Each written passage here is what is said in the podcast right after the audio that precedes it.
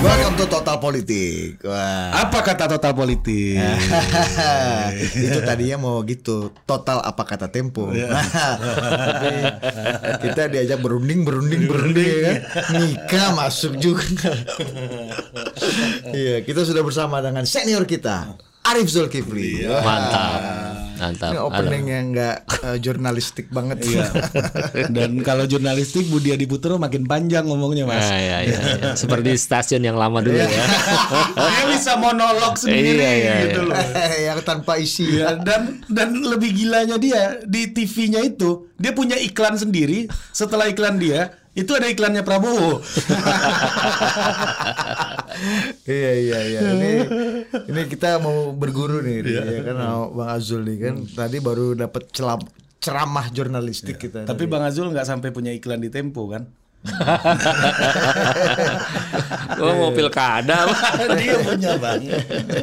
Iya, ini apa nih kita mau bahas apa nih Ri, sama Iya soal inilah soal jurnalistik tentunya. Iya, soal new media ya. New media soal post truth hari ini gimana media mengalami tantangan yang besar ketika eh, kebenaran tuh menjadi sangat subjektif gitu. Iya. Iya. Ada yang ada yang bilang juga sebenarnya ini bukan era post truth, tapi era post journalism. Ya.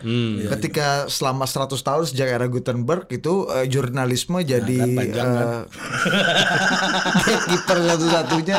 Sekarang ada banyak mas. Jadi ya, era post Orang yakin dulu baru ngasih makan egonya kan sekarang kan. Nah, ini gimana nih ngelihat dengan objektivitas makanya Tempo jadi punya musuh ya gara-gara itu gue rasa. Iya, ya.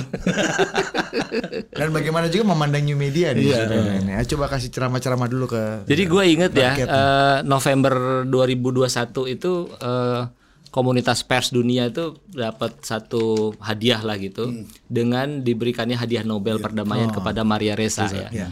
Eh, wartawan dari Lu lagi ada forum sama dia ya? Pas, waktu itu, pas ah, lagi itu jadi, ya. Coba kasih jadi waktu itu dong. kita lagi ngumpul-ngumpul secara online memang waktu itu nggak memungkinkan untuk travel apalagi ke luar negeri. Kita ngumpul online ngomongin macam-macam dan eh, saya dan Maria adalah eh, dua pembicara di samping pembicara yang lain. Nah di tengah-tengah itu tiba-tiba Maria me- memutekan eh, zoomnya dan menerima telepon dari eh, siapa? Dari panitia Nobel gitu ya. Dan eh, dalam dalam sesi dia itu Maria Reza tuh Maria Reza adalah pendiri dari jaringan Rappler ya The Rappler. Di Indonesia juga sempat ada. Dan jadi pemret lama lalu kemudian menjadi pemilik. Dan dia adalah eh, wartawan yang menyandang status tersangka karena eh, pencemaran nama baik dan sebagainya karena dia menulis tentang pemerintahan Duterte yang Ya. melakukan tindakan eh, ekstrajudisial eh, dengan menembak narkoba, eh, kepala bandar-bandar narkoba. Nggak jelas lagi mana bandar mana pengguna kan? Karena kalau lihat dari dan laporannya mana musuh politiknya juga. Iya Udah nggak jadi udah jadi alasan aja gitu, Petrus extension. Ya. gitu dan Maria mengalami apa yang dialami sebetulnya juga oleh wartawan-wartawan termasuk di Indonesia di negara berkembang diserang eh, eh, oleh negara lewat status tersangka mau dit- dit- ditahan dan sebagainya tapi juga diserang eh, di doxing ya di media sosial. Artinya kredibilitasnya itu di, berusaha dijatuhkan gitu. Tapi ya terus dia jalan terus gitu. Nah dia mengatakan dalam forum itu tentang eh, eh, pentingnya kebenaran di dalam di dalam jurnalistik. Dan kebenaran jurnalistik adalah kebenaran yang diupayakan secara jurnalistik pula gitu. Jadi eh, inilah yang membedakan hari-hari ini apa yang dilakukan oleh wartawan yang bekerja dengan prinsip-prinsip jurnalistik dengan para pendengung, para pemengaruh begitu yang bekerja tidak berdasarkan prinsip-prinsip jurnalistik. Yang salah satu yang terpentingnya adalah fact finding gitu. Jadi tidak melakukan fact finding gitu. Eh, yang dia lakukan adalah me- yang dilakukan mereka adalah membentuk pendapat umum ya berdasarkan eh, mesin-mesin tertentu gitu ya Eh, apakah lewat eh, eh, kita kenal robot misalnya begitu atau eh, menggunakan cara-cara yang lain yang eh, bisa bukan fakta bisa juga fakta tapi dua, dua hal yang berbeda gitu kita tahu misalnya serangan terhadap wartawan hari-hari ini kalau dia menulis tentang sesuatu yang dianggap menyerang kelompok A misalnya dia akan didukung oleh kelompok B. Yeah. Tapi dukungan kelompok B akan tidak akan sehebat sehebat dari serangan dari kelompok A yang baru saja ditulis. Yang dilakukan oleh uh, mereka biasanya adalah menjelekkan si produk jurnalistiknya, berita sampah, berita yeah. bohong. Lah yang penting juga adalah mendoxing wartawannya hmm. gitu. Dan di dalam doxing, kita tahu doxing adalah sebuah kata yang berasal dari doc, Docs, dokumen, dokumen ya, yang mencari informasi digital atas tentang si wartawan ini gitu. Hmm. Dan di dalamnya itu biasanya bergabung juga prinsip-prinsip lain, misalnya ad hominem sesuatu yang tidak berhubungan dihubung-hubungkan. Hmm. Oh, wartawan ini setelah kami telusuri ternyata pernah tidak naik kelas ketika SD gitu. Hmm. Nah, karena pernah tidak naik kelas, maka karya jurnalistiknya menjadi jelek. Nah, gitu-gitulah. Nah, ini kan kalau kalau wartawan yang nggak nggak siap mental begitu untuk menghadapi kondisi seperti ini, dia pasti akan hmm. goyah gitu. Goyah itu dalam pengertian udah deh, nggak usah nggak usah nulis lagi soal itu gitu kan jangan masuk ke wilayah kita main yang aman-aman aja misalnya gitu. Hmm. Padahal pengungkapan kebenaran kerja jurnalistik itu sebenarnya sebuah pekerjaan yang dimandatkan oleh konstitusi loh. Ini ya. dahsyat sebetulnya Indonesia ini punya konstitusi dan punya undang-undang 40 uh, eh, tahun 99 yang memberi jaminan kepada wartawan untuk bekerja memenuhi kebutuhan publik untuk tahu gitu. Jadi the right to know itu clear di dalam konstitusi kita gitu. Tapi karena masyarakat itu nggak punya alat tangan perangkat untuk mengetahui apa yang harusnya dia tahu, ya. perangkat itu dipinjemin ke wartawan gitulah, Bud. Ya. Nah, dan, gitu. Dan what is the meaning of truth gitu mas? Ketika polarisasi ketika iya. kebenaran itu udah milik uh, echo chambersnya masing-masing. Betul ya. betul. Jadi gimana menjawab pertanyaan? Iya kebenaran jurnalistik adalah kebenaran yang dicari dan ditemukan dalam prosedur jurnalistik gitu.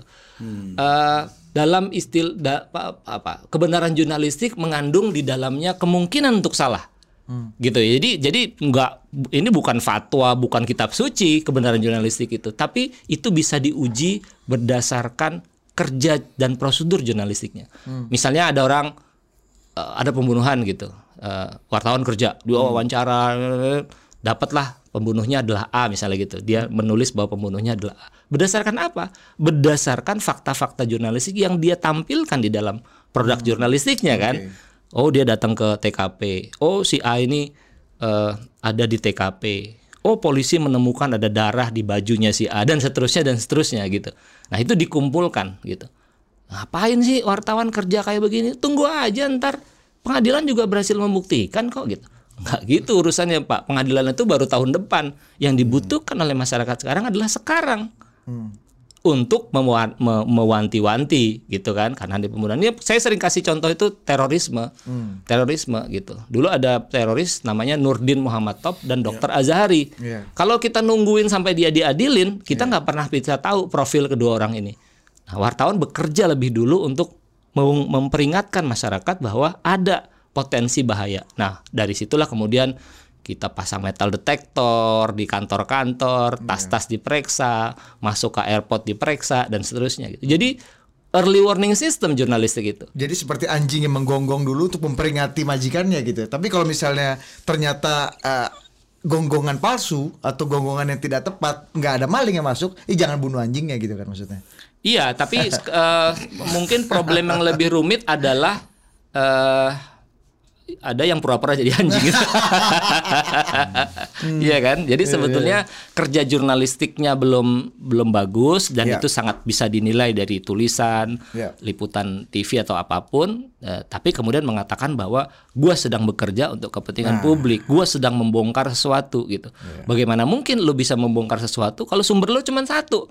Nah, hmm. itu kan sederhana banget gitu. Yeah. Kata si A, si B ini maling, koruptor dan sebagainya gitu saya sedang bekerja untuk kepentingan publik yaitu menunjukkan si B itu koruptor. Mengungkapkan mengungkap kejelekan si B yeah. gitu. Sumbernya siapa? Si A. Satu doang gitu. Ya nggak bisa. Satu sumber bukan sumber kita tahu secara jurnalistik kan. Hmm. nah ya gitu gitu loh. Jadi uh, eh, post truth itu adalah uh, satu isu besar ya di dalam masyarakat yang terbelah seperti Indonesia saat ini. Hmm. tapi jurnalisme yang benar gitu yang dijalankan dengan prosedur yang benar adalah sebuah cara untuk memastikan mana yang benar dan mana yang tidak benar secara jurnalistik. Oke, okay, secara jurnalistik. Secara jurnalistik gitu. Oke, okay. dan dan sampai saat ini uh, kebenaran secara jurnalistik lah yang dipercaya sebagai kebenaran publik, kebenaran umum, Ah. kebenaran yang tepat gitu, Mas. Ya kalau sekarang sih betul dia bahwa eh, sekarang orang memilih kebenaran, ya kan? Atas eh, seleranya sendiri. Atas seleranya sendiri gitu. Fakta itu kan socially constructed. gitu Betul, ya. betul, Jadi, jadi, betul. eh, pertanyaannya gini, Mas. Eh, gimana caranya kita melihat ya wartawan pun ya kayak misalnya ini konflik di Ambon gitu misalnya ya. Wartawan pun punya agama gitu misalnya. Ya kan? Kayak polisi punya agama juga ketika itu dia harus harus mengamankan konflik ini gitu. Ketika polisi Kristen harus berhadapan dengan Muslim gitu kan eh, pasti ada keberpihakan, ada pengaruh gitu sedikit banyak Ini bicara netralitas Iya, maksudnya. iya. Dan di jurnalistik juga kayak gitu di tengah polarisasi, gua nggak begitu yakin wartawan ini betul-betul eh, steril gitu dari Kertas putih ya. Ya, dari polarisasi. ini ini ini problem gitu. Iya, iya, nah, gimana cara mempertanggungjawabkan Iya. itu dalam eh, konteks eh, sehingga jangan-jangan prosedur ini kita nggak boleh nggak bisa percaya lagi Iya. gitu sebagai publik gitu. Itu Iya. kayak gua nggak percaya Budi gitu untuk hal-hal tertentu. Iya. Untuk Ma- masyarakat banyak, untuk menurut banyak hal. masyarakat menurut gua sih punya punya pisau analisa ya untuk menilai gitu ya menilai lepas dari bahwa dia punya preferensi tertentu gitu ada satu istilah yang gua mau pinjam dari almarhum Cak Nur gitu ya kata Cak Nur orang yang berdiri di tengah itu buat orang yang berdiri di kiri itu dia ada di kanan.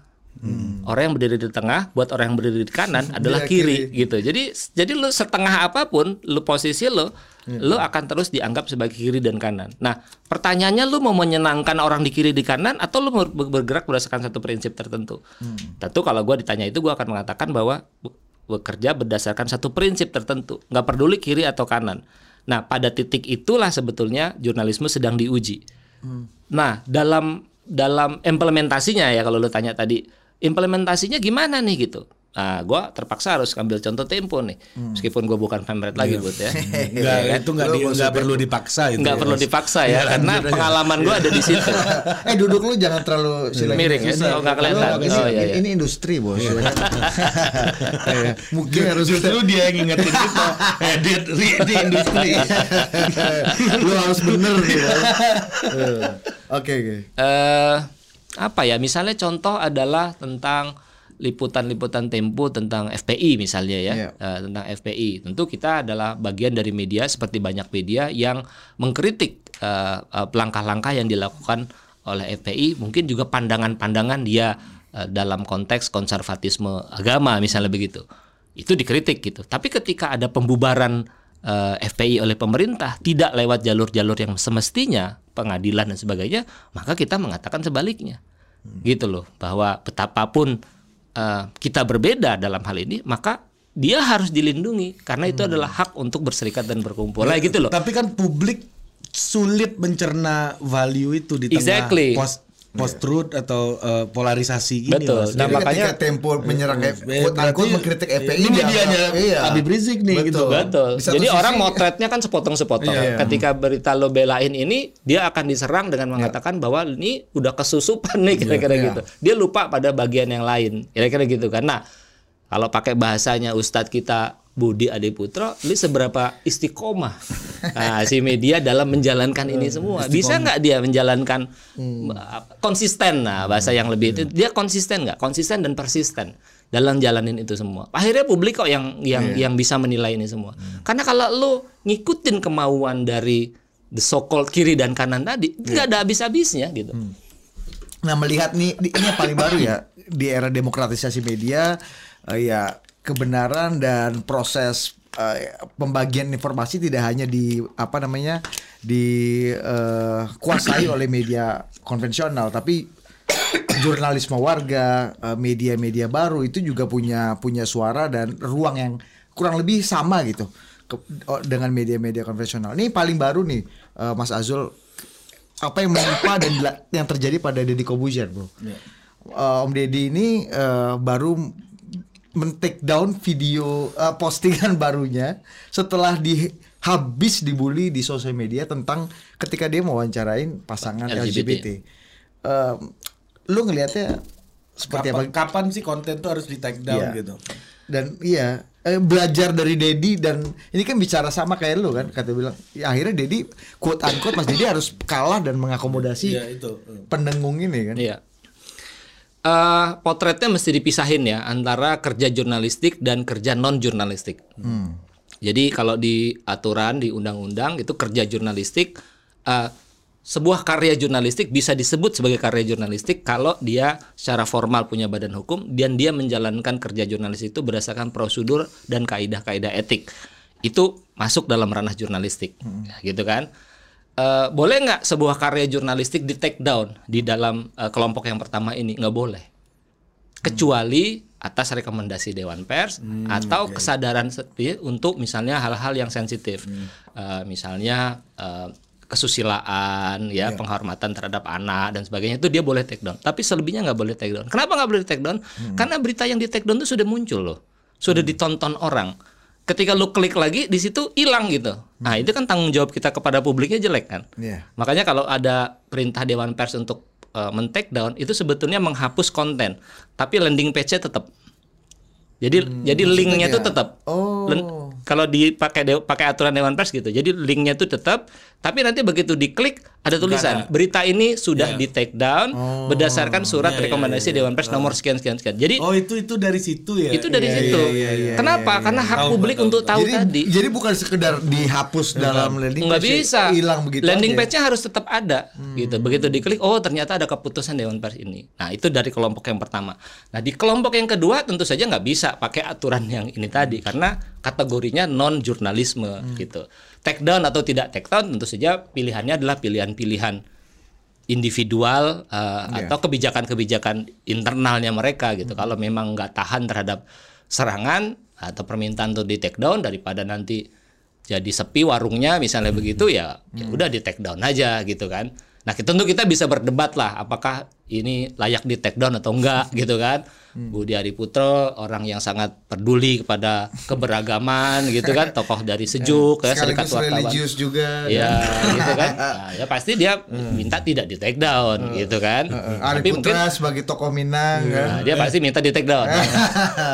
Tapi Budi Adiputro pernah minta take down loh. apa tuh gue lupa gue Masa lupa lu? Yang lu pakai peci waktu itu. lupa gue apa itu oh gitu ya. menarik menarik ya jadi jadi kita emang harus berkompromi dengan para pendengung ini ya. Nah, gimana? gua gua ada Lanjut, pertanyaan. benar, benar. lu ngabisin aja Iya, dong nih. barang ini bos Ini ini ada di luar konteks dikit nih, eh, Mas, Mas Azul. Eh, salah satu yang fenomenal dari Tempo itu adalah covernya.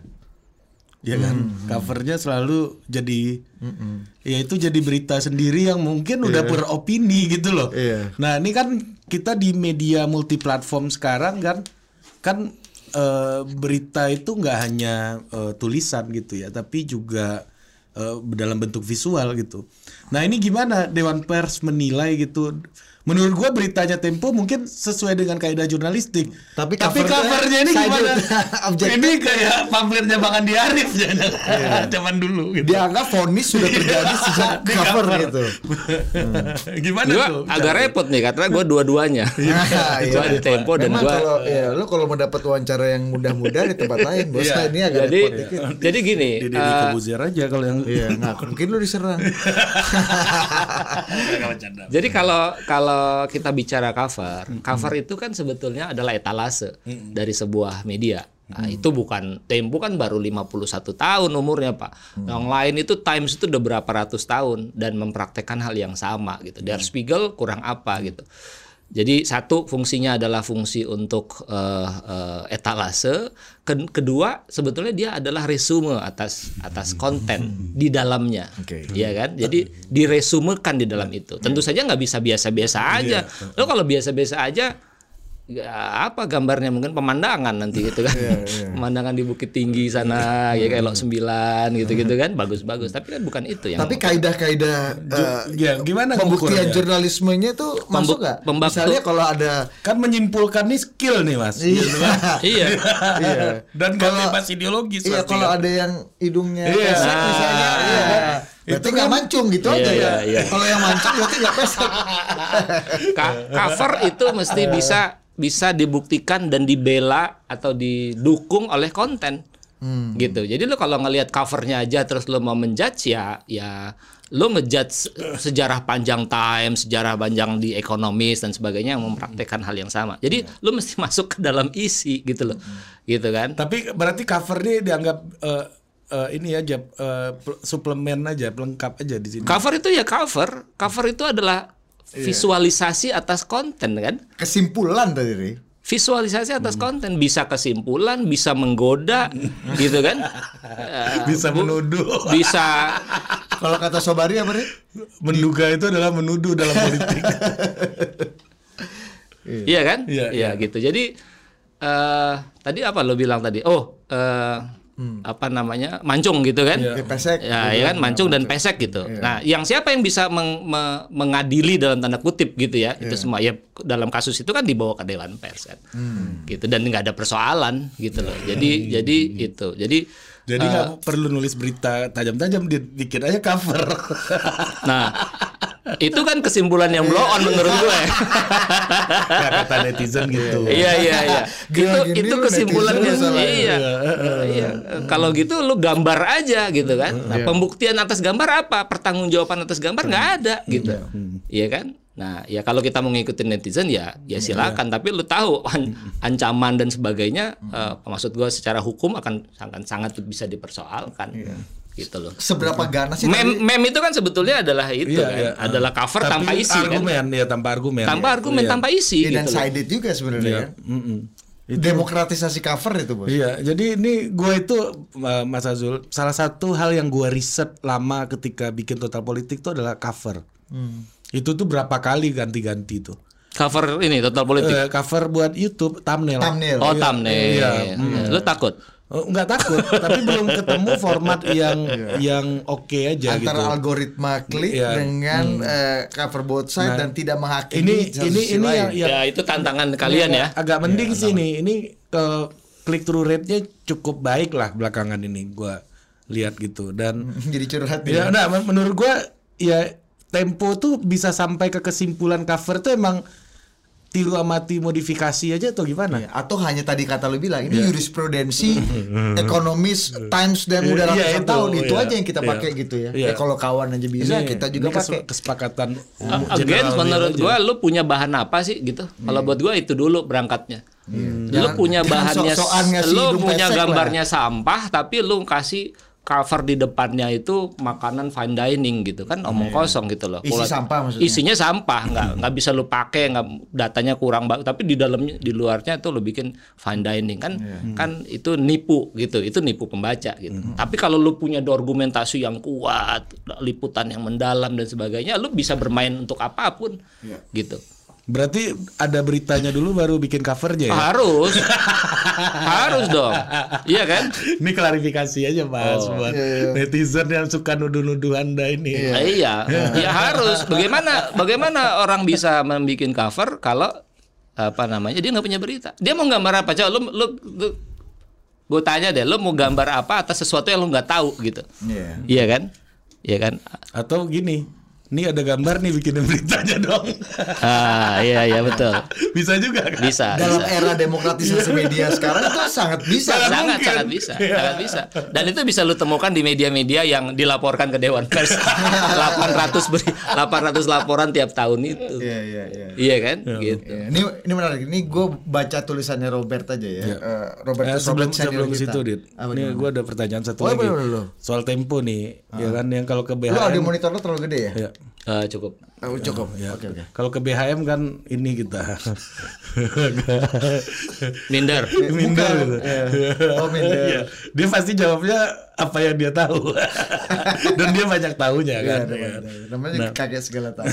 Kayak segala tahu. Nah, eh, kalau BHM milik Tempo, Iya. KST itu milik kita dia, gitu mas.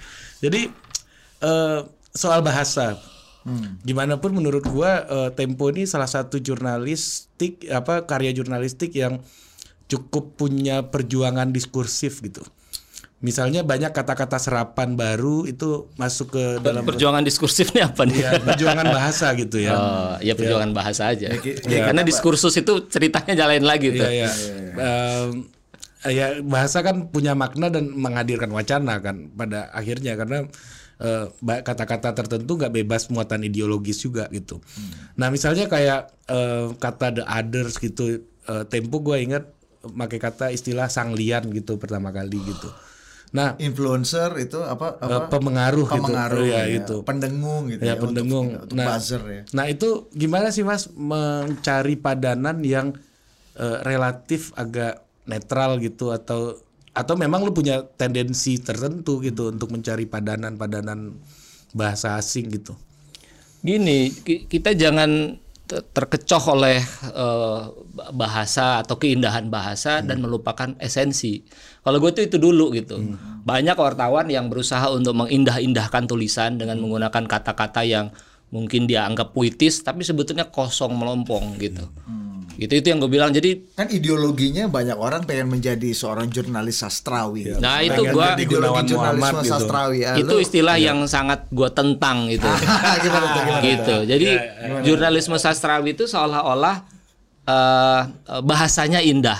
Jadi yang penting tuh bahasanya indah. Hujan rintik-rintik, ya kan, angin bertiup. Tapi sebenarnya lu mau menjelaskan apa sih atas itu semua? Lu mau menjelaskan musim, banjir di Depok atau apa? Seandainya saya di Sarajevo gitu. gitu kan.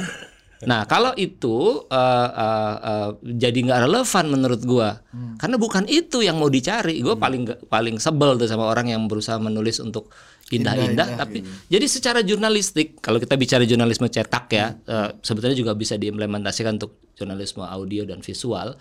Itu yang paling penting adalah faktanya. Jadi kalau lo menulis puitis itu faktanya yang puitis pak, bukan lu karang-karang gitu.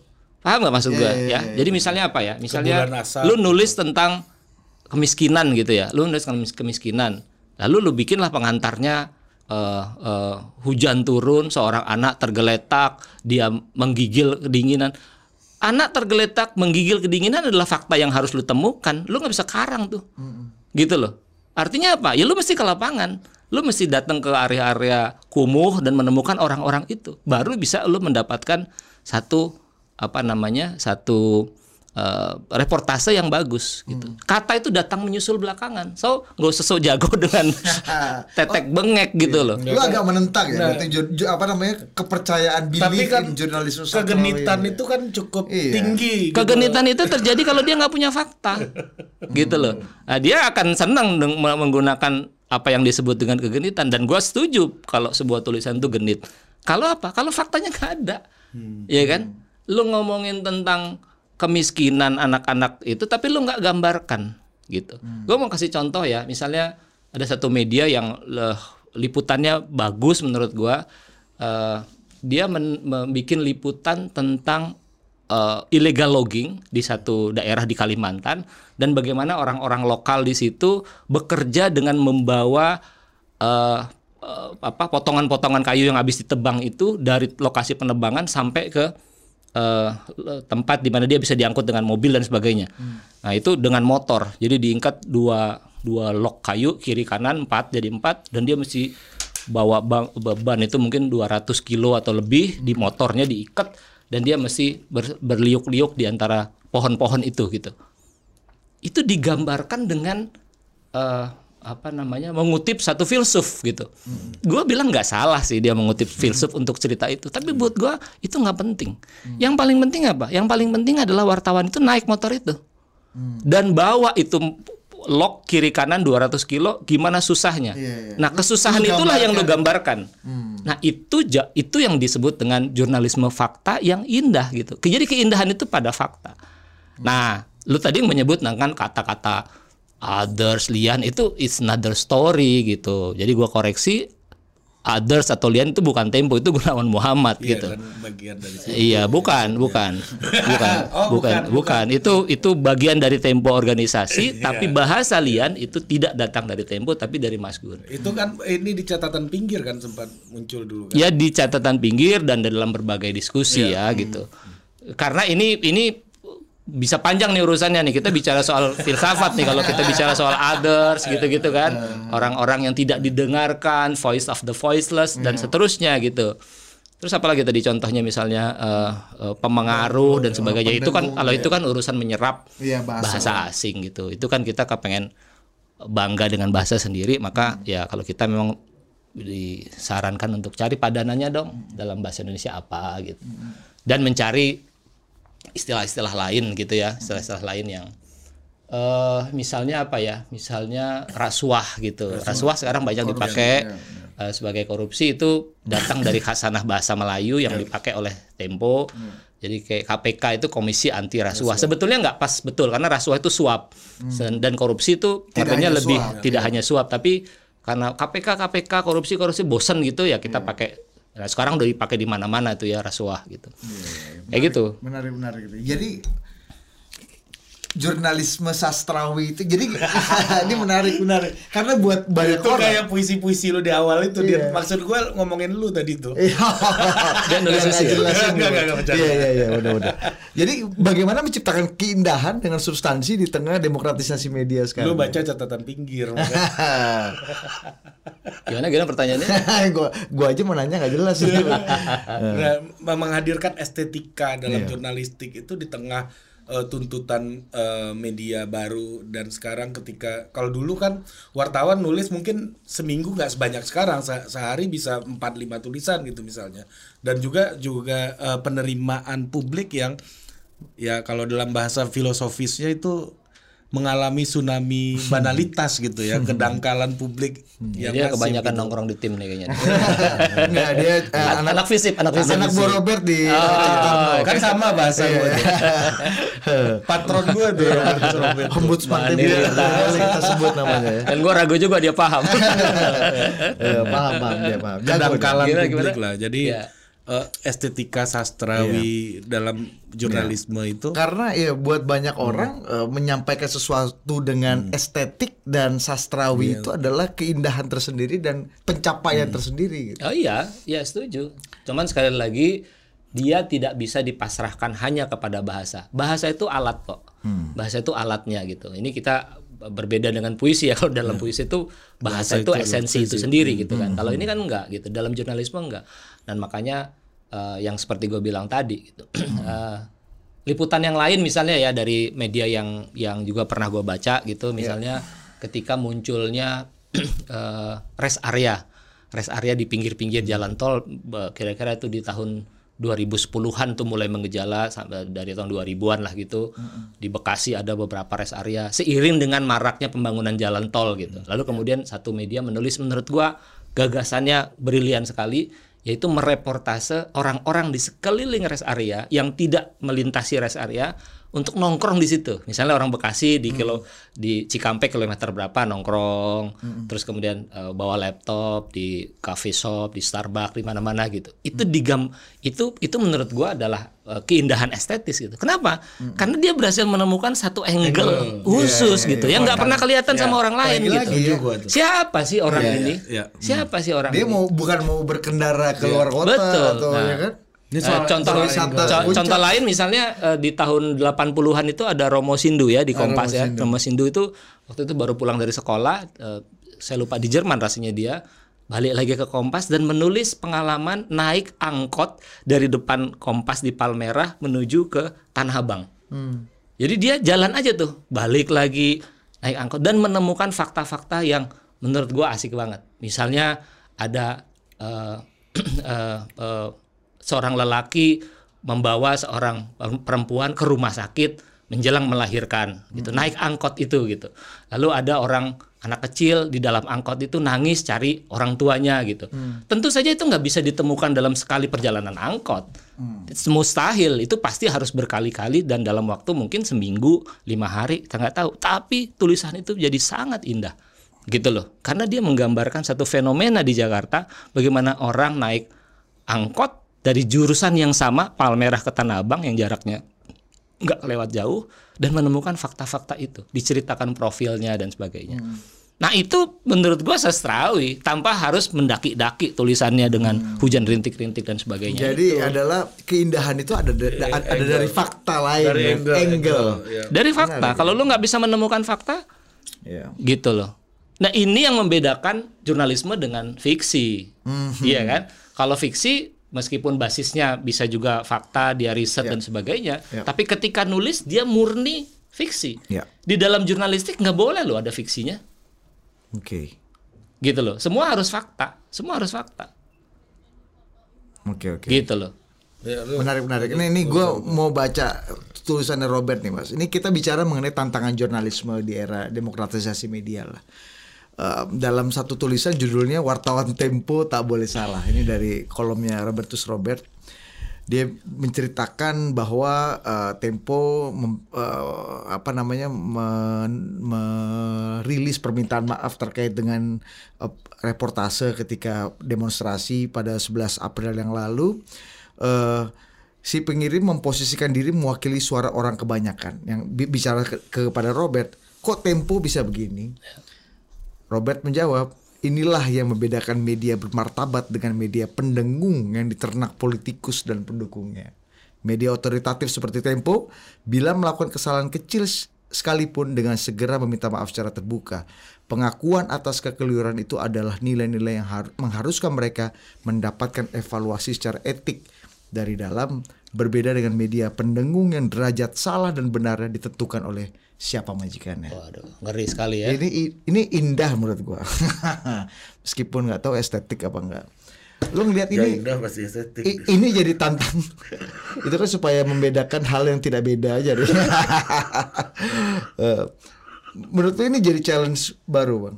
Mas dalam Oh iya, kolom kolom ini kan sebetulnya tidak bicara hanya tentang tempo Ya, ya. pasti. Dia dia sedang bicara tentang satu fenomena di mana masyarakat kita terfragmentasi, terbelah berdasarkan kepentingan, ideologi, kepentingan ekonomi, politik dan sebagainya.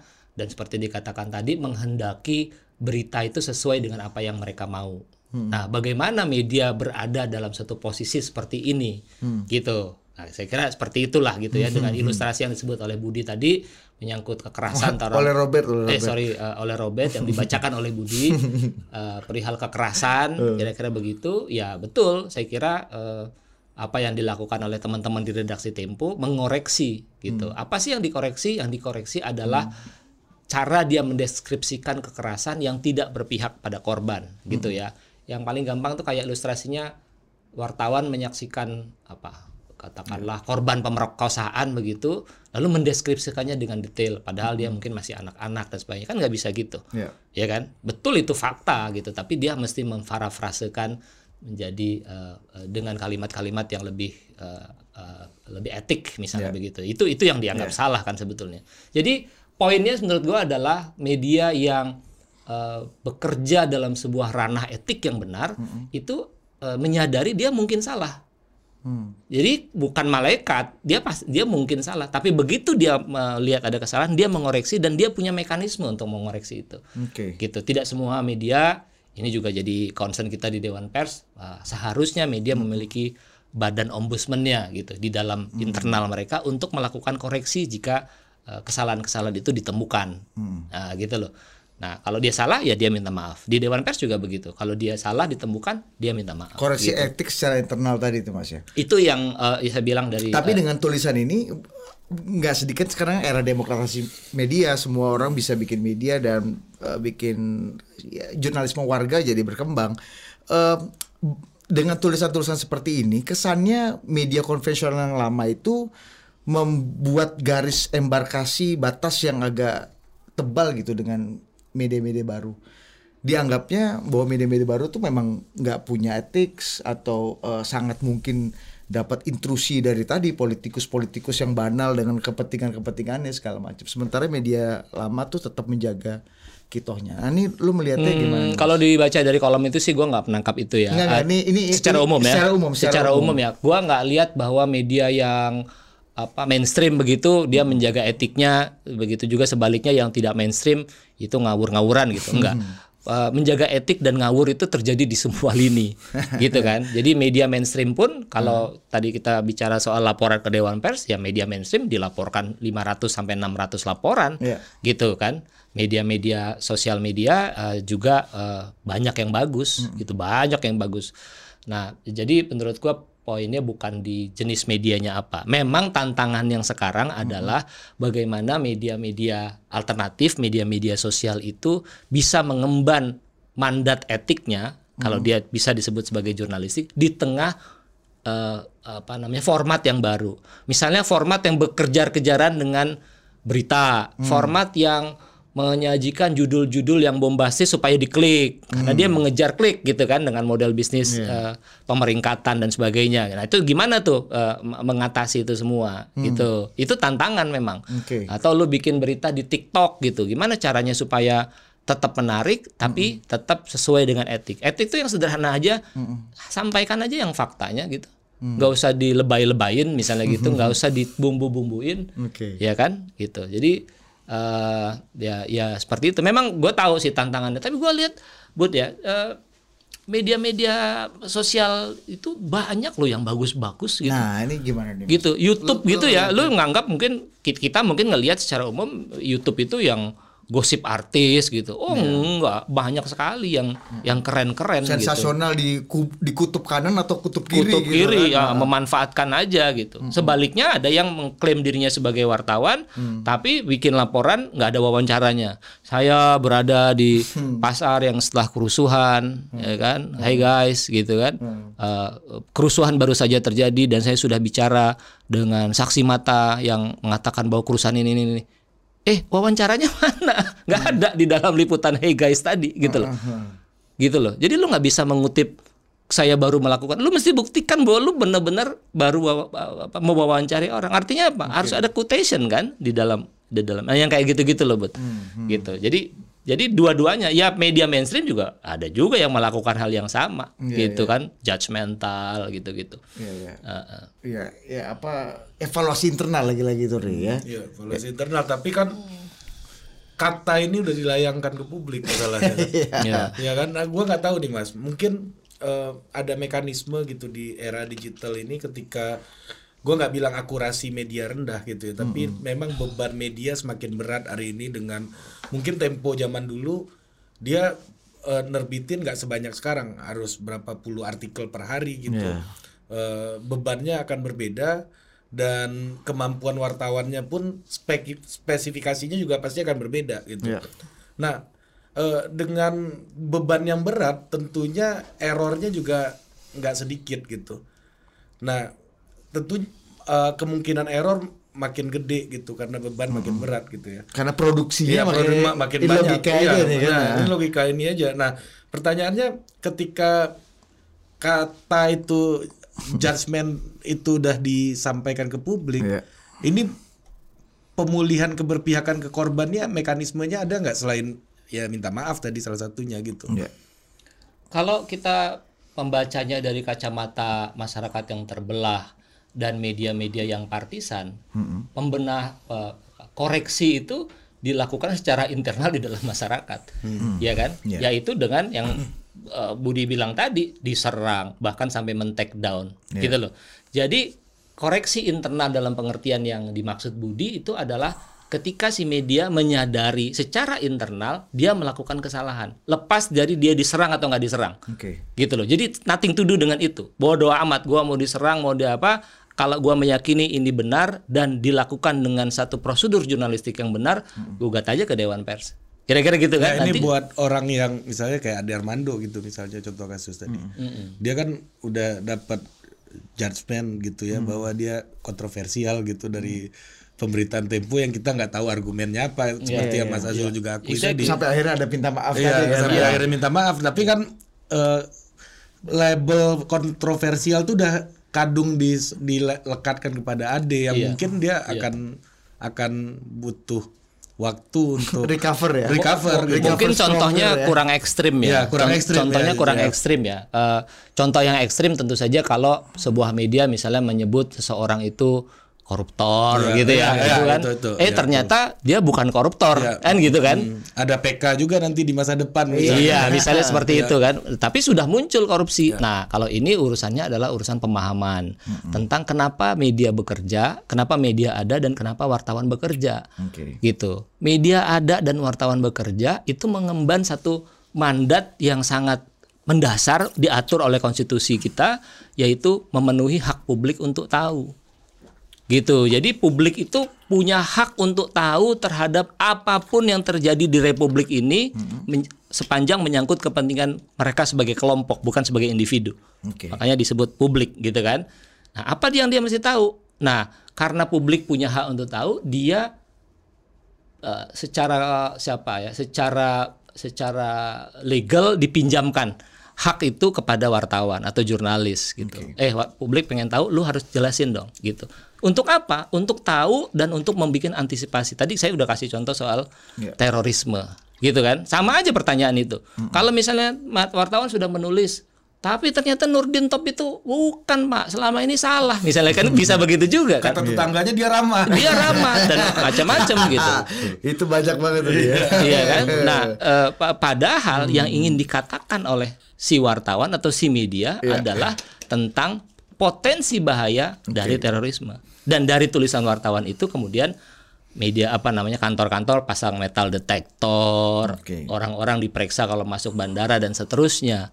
Gitu. Jadi dasarnya eh, hak publik untuk tahu dulu. Iya. Nah, Warning tadi balik ya, lagi ke warning. pertanyaan di lo, kalau misalnya ternyata dia bukan eh, apa Koruptor. namanya? bukan koruptor atau bukan teroris seperti apa? Si wartawan berhak atau wajib untuk menulis Berhak atau wajib? Mas? wajib sorry wajib untuk iya kalau kalau berhak nanti bisa diabaikan wajib untuk menulis koreksi atas berita yang pertama tadi Iya. gitu Meskipun Tapi- belum tentu meyakinkan publik yang sudah paham dan percaya bahwa dengan dia teroris atau koruptor Iya. di sebelumnya itu. ya atau teroris Ya, itu. iya kan sama juga begitu gitu Iya, iya. sekarang pertanyaannya gue balik aja kalau lu menunggu sampai Pengadilan, pengadilan dan sebagainya gitu lu mau tuh kejadian itu dar der dor di sana sini terjadi kan gitu kan bolak baliknya gitu Tadi. Mas Mas Azul udah ngomong contoh radikal koruptor gitu misalnya. Tapi ini misalnya kita ambil di bidang yang lebih radikal lagi gitu ya. Jangan politik. Misalnya entertainment atau eh, olahraga gitu. Eh, di Amerika itu kan paparazi eh, media itu kan sangat menakutkan untuk karir seorang eh, selebriti gitu misalnya atau olahragawan banyak yang misalnya ada beberapa pemain yang males main di Liga Inggris gara-gara Paparazinya. ya lebih wartawannya galak-galak gitu ketimbang di Itali gitu misalnya. Jadi itu bisa membunuh karirnya, motivasinya rusak gitu misalnya kayak gitu gimana mas? Ya tiap tiap negara lain-lain ya kali pendekatannya ya gitu. Kebebasan kebebasan uh, pers, kebebasan berekspresi di sana itu uh, tinggi begitu, tinggi. Meskipun kita harus katakan di Indonesia juga uh, misalnya apa ya? uh, trespassing gitu ya. Trespassing itu kalau di sana kan nggak boleh. Jadi ada rumah dipasangin no trespassing itu artinya lu nggak boleh masuk meskipun nggak ada pagar gitu. Kalau lu masuk lu dihukum. Di sini coba. Mana ada? Mana ada. Tukang gitu. bakso udah ada situ. Iya, udah teng teng teng teng teng gitu kan. Kan? Iya. Eh, pinjem kerannya ya, Mbak. Udah kerannya Ada udah ditarik. ini tukang meteran listrik listrik gitu. Cek meteran. Iya kan? Ya, i- itu maksud gua. Jadi jadi eh, berbeda-beda gitu. Oke. Ya eh, sekali lagi kalau lo lagi-lagi mempersoalkan misalnya di Inggris, ya lo timbang aja manfaat dan mudaratnya gitu. Dari si pemain bola barangkali mudaratnya banyak. Ya udah lo free free choice lo pindah aja ke liga yang lain gitu kan. Tapi buat publik Inggris barangkali oh harus dong. Gitu kan. Harus ini supaya ini uang gua pencinta sepak bola. Karena Nah, gitu. dipinjamkan tadi kan eh, Hak pub- haknya ya, hak publik itu dipinjamkan pada wartawan. jurnalis. Iya. Oke. Ini bagus ini, nih. Ini ini one on one Dipinjamkan. jurnalisme. Itu ya? kapan kita bisa ambil lagi, Mas? gitu. lo lo jadiin lo jadiin bongbong sebagai presiden di sini ya itu balik lagi tuh bongbong di Filipina lo balikin ke sini undang-undang undang-undang bongbong, ya. bukan ambil kita.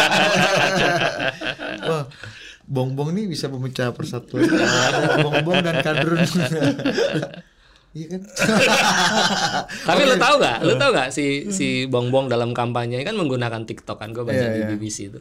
Jadi dia menggunakan TikTok untuk mengkampanyekan bukan hanya pada dirinya, tapi tentang bapaknya, Ayahnya, bapaknya, iya. Membilas dosa membilas bapaknya ini dosa kan? bapaknya. Jadi di satu pihak kita gembira atas kehadiran media-media alternatif ini, begitu ya, karena lebih fun dan sebagainya.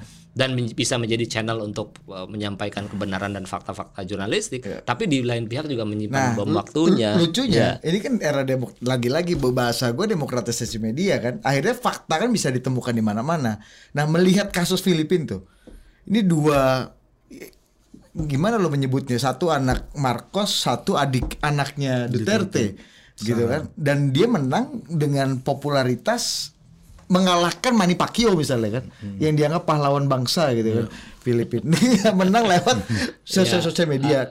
Ya, dengan segala kejahatan yang dilakukan oleh bapak-bapaknya yang terjadi gitu. Lu lihatnya gimana, Mas? Ya kan kalau Filipina kan kita masih bacanya dalam konteks eh, politik Filipina ya, di mana kontestasi dalam kekuasaan itu eh, dipegang oleh klan-klan tertentu gitu kan, landlord menguasai sekian banyak tanah begitu. Jadi orang yang Kasik, kasik. ya, jadi orang-orang yang pernah jadi presiden di sana bahkan eh, Benigno Aquino gitu yang dianggap sebagai eh, yang demokratis karena menggantikan oleh itu kan juga datang dari kelompok ke klan-klan itu gitu. Jadi jadi memang eh, ya, kalau lo Budi nanya gimana nih ini kan eh, siapa Akhirnya media sosial, eh, media baru misalnya kalau lu bilang tadi menjadi anak tangga untuk memuluskan orang-orang yang quote unquote punya dosa sejarah gitu. Ya, populisme. Ya Iya. itu, itu. Nah, makanya di dosa. dalam kolomnya Robert tuh jadi menarik menurut gua. Jadi ada persekutuan antara populisme, politikus yang tidak punya gagasan dengan eh, buzzer-buzzer tadi gitu. Itu bersekutu gitu. Jadi tidak lagi diuji kemampuan dari si si calon pemimpinnya, tapi yang dia munculkan adalah populismenya gitu. Ya kan? Lewat jalur-jalur ini tadi gitu. Nah, jalur-jalur pendengung dan pemengaruh ini kan tidak bekerja berdasarkan proses pembuktian. Ya dia yang penting diomonginnya aja gitu. Misalnya Budi mau jadi presiden, gua nggak uji Budi jago wawancara atau enggak, tapi wes potongan rambutnya keren nih kayak nih, bintang Korea nih. Ah gitu loh.